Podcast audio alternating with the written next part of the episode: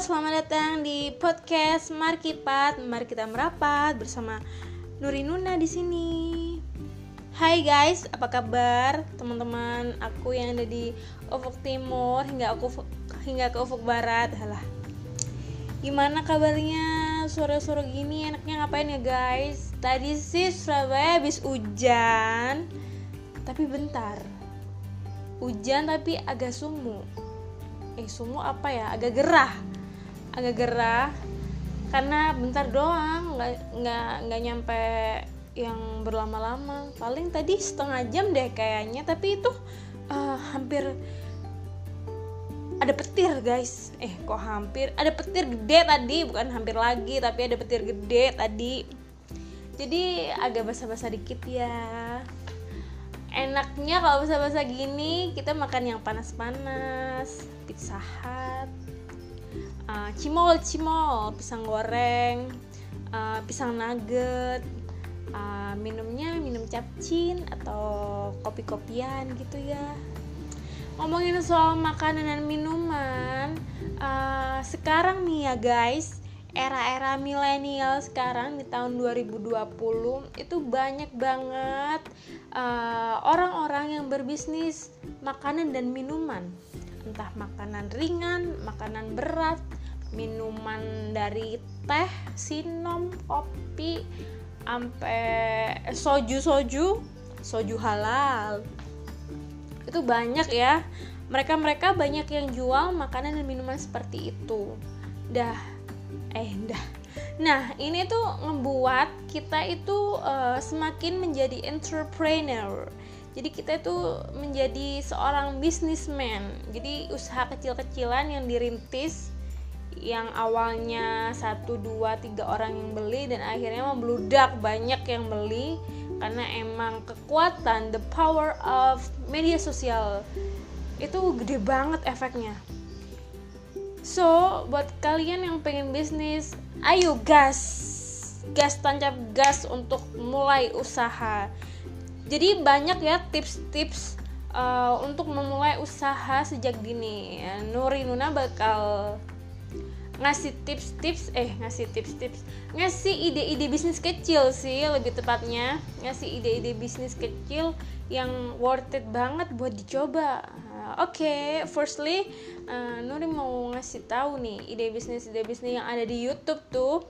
Uh, usaha kecil-kecilan uh, keuntungan berlipat ganda gitu. Usaha kayak dessert box atau uh, apa ya? Cimol cireng martabak yang dijual box-boxan atau snack box atau yang lagi booming kayak Korean garlic atau uh, kemarin itu booming bom-bom donat yang isinya apa namanya isinya fla apukat kayak yang di dapur Wilgos atau uh, kimchi kimchi atau hmm, tteokbokki yang yang makanan yang khas-khas Korea itu lagi banyak diminati guys. Soalnya Korea tuh sekarang udah mengglobalisasi. Di mana-mana Korea di mana-mana Korea. Semua semua Korea. Jadi hal-hal yang berbau Korea sekarang tuh banyak diminati. Kayak uh, apa ya? Grill grill daging-daging yang di grill atau beef beef itu yang makan ala ala Korea yang kayak di drama Korea. Kalau kalian pengen tahu makanan yang ada di drama Korea itu kayaknya makanan tuh banyak dan di grill grill gitu ya guys. Tuh kayaknya menyenangkan banget. Jadi sekarang itu banyak orang yang ngejual makanan yang di pocket pocket gitu loh guys. Jadi bisa dikirim di luar kota. Jadi tuh bentuknya tuh pocket yang uh, di wrap so mereka bakal send ke pembeli-pembeli mereka di luar-luar kota gitu kayak bakso aci misalnya atau uh, ini nih suki-sukian. Tuh teman Nuri ada yang jual suki-sukian yang udah di apa dikirim ke luar-luar kota. Itu cukup worth it ya buat kalian yang pengen usaha bisnis kecil-kecilan. Bisa kalian lihat di YouTube uh, di search box yang bisa dijual atau apa ya makanan ringan-ringan yang bisa dijual offline atau online. Kalau makanan basah emang kita ngejualnya sih oh, biasanya pre-order ya. Jadi kalau udah banyak yang pesan kita bisa bikin dan kita bisa jualin itu. Karena kalau makanan basah kan cepet basi dan kerugiannya emang kalau makanan ya kalau makanan emang rugi karena ya itu bisa cepet basi bisa apa lama dikit makanan ditaruh di kulkas itu udah nggak enak rasanya. Jadi memang plus minus buat jualan makanan. Kalau makanan itu nggak laku. Untuk jual minuman pun kayak gitu. Kalau kita nggak bisa masarin kopi awalnya bikin hari ini ditaruh di kulkas masih bisa diminum diminum diminum dan beberapa beberapa hari kopi itu kan bakal uh, agak asem dan udah nggak bisa diminum ya guys jadi itu uh, plus minus uh, kita ngejual makanan tapi bisnis bisnis yang ada di YouTube video-video yang orang-orang bikin di YouTube ide-ide cemerlang itu worth it banget buat kita coba untuk memulai usaha baru. Jadi jangan jangan pantang menyerah, jangan males karena di di masa-masa corona gini ngapain sih gabut. So mending kita uh, mulai belajar yang awalnya nggak bisa masak akhirnya bisa karena nyob nyobain sesuatu yang baru dan nyiptain sesuatu yang baru itu suatu kebanggaan loh guys. Karena menurut Nuri nih jualan itu agak susah. Karena kita masih masak masih masarin uh, keluar modal belum lagi kalau gagal. So lulu pada nggak boleh nyerah. Oke selamat mencoba. Untuk yang kedua ini di bisnis yang memungkinkan hmm, kita cuma nge-share aja sih. Bisa tebak apa yo ya menjadi reseller.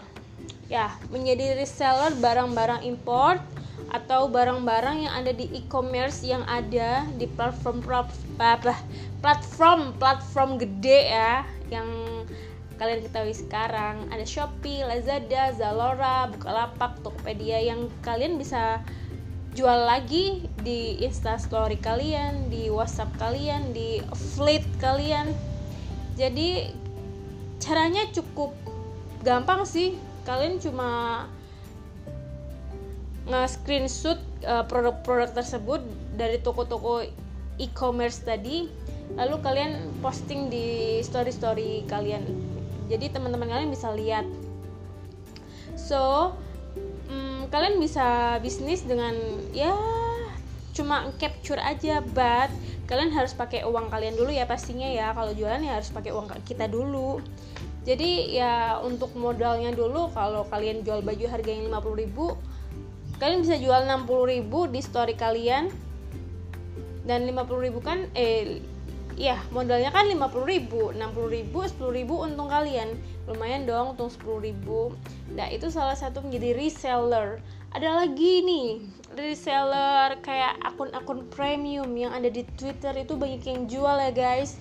Itu ih, banyak banget yang jual. Kalian bisa jual itu kalian bisa manfaatin dari bisnis kecil itu kalian masukkan ke WhatsApp story atau Instagram atau Fleet karena dari sekian banyak teman-teman Nuri nih yang Nuri tahu nih itu banyak teman-teman yang pakai pakai Twitter juga.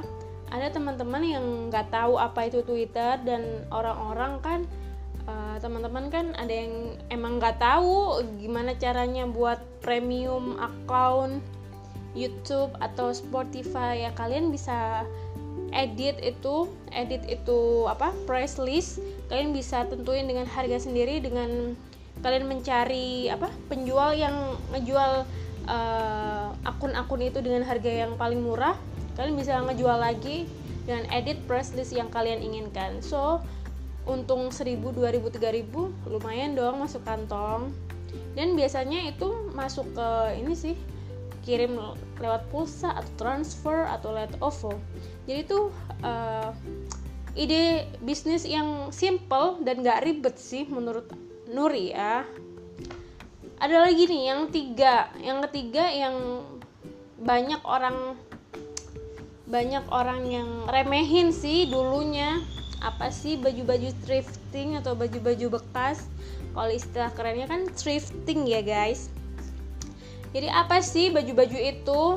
Kenapa orang-orang pada berburu baju itu? Pertama harganya worth it banget. Murah dengan dengan harga murah kita bisa dapetin merek-merek mahal ya. Barang-barang dengan merek-merek mahal atau berkualitas. Karena itu barang-barang dari luar negeri yang dibuang ke Indonesia. Indonesia ini sebenarnya sampah atau gimana jadi itu barang-barang yang emang bener-bener masih bisa dipakai dan masih layak banget dipakai. Kalau kalian pilih barang thrifting thrifting yang ada di kota-kota kalian kayak di Surabaya ini ada Tugu Pahlawan atau TP Pagi dan Pasar Gembong tuh banyak banget ya guys. Kalian bisa pilih dan kalian bisa belanja thrifting di sana. Nuri juga pernah belanja hampir 400 ribu hampir 500 ribu belanja thrifting. Dan itu oke okay, worth it banget. Dapat jacket Levi's dapat celana dapat uh, celana pendek dapat baju dapat uh, banyak dia pokoknya. Jadi kalian harus pinter-pinter nih pinter-pinter milih uh, baju yang layak dan layak itu konotasinya layak untuk dijual. Maksudnya tuh pasarannya orang-orang tuh seleranya tuh bakal laku dengan model ini. Jadi kalian harus pintar-pintar milih ya guys. Dan habis kalian berburu pastinya di laundry dan dipakein ke model dan kalian difoto dan kita post itu cuma ya emang modalnya emang gede sih. Modalnya gede karena kita harus beli fisiknya dulu tanpa open order atau reseller ya. Kalian harus fisiknya dulu ada. Dan untung ruginya kalian yang tahu kalau rugi karena barang nggak cepet laku kalau untung ya kalian sendiri yang ngerasain untungnya banyak. Misal nih kalian beli di harga 15.000 untuk baju berkerah atau kemeja. Kalian bisa jual dengan udah di laundry udah dikasih parfum udah dikasih name apa? Name brand dari toko kalian kalian bisa pasang harga 50.000 itu untung udah berapa guys? 30.000 itu udah worth it banget dan itu bisa kembaliin modal kalian dengan cepet.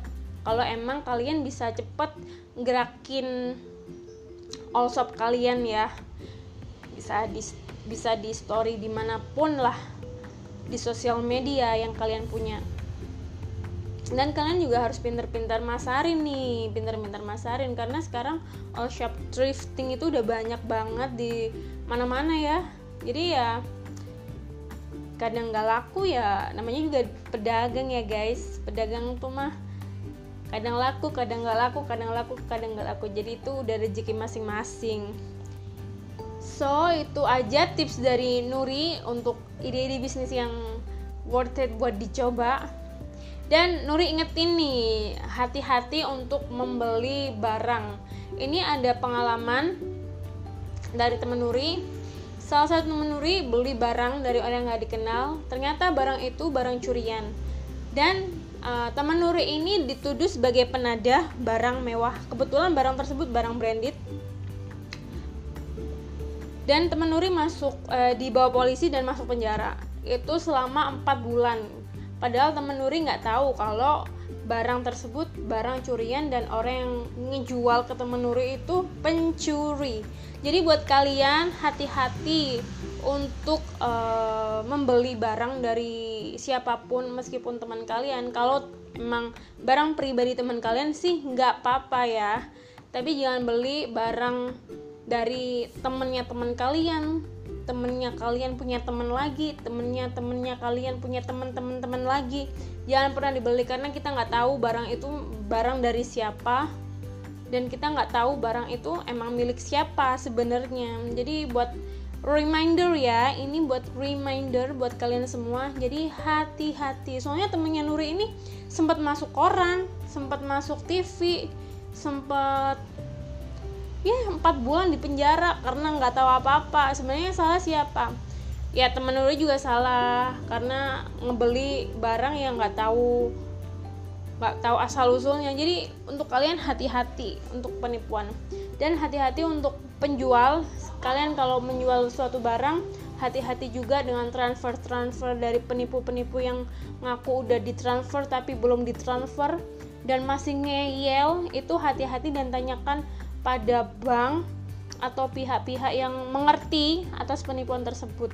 Atau kalau ada yang mengganjal please langsung block and report.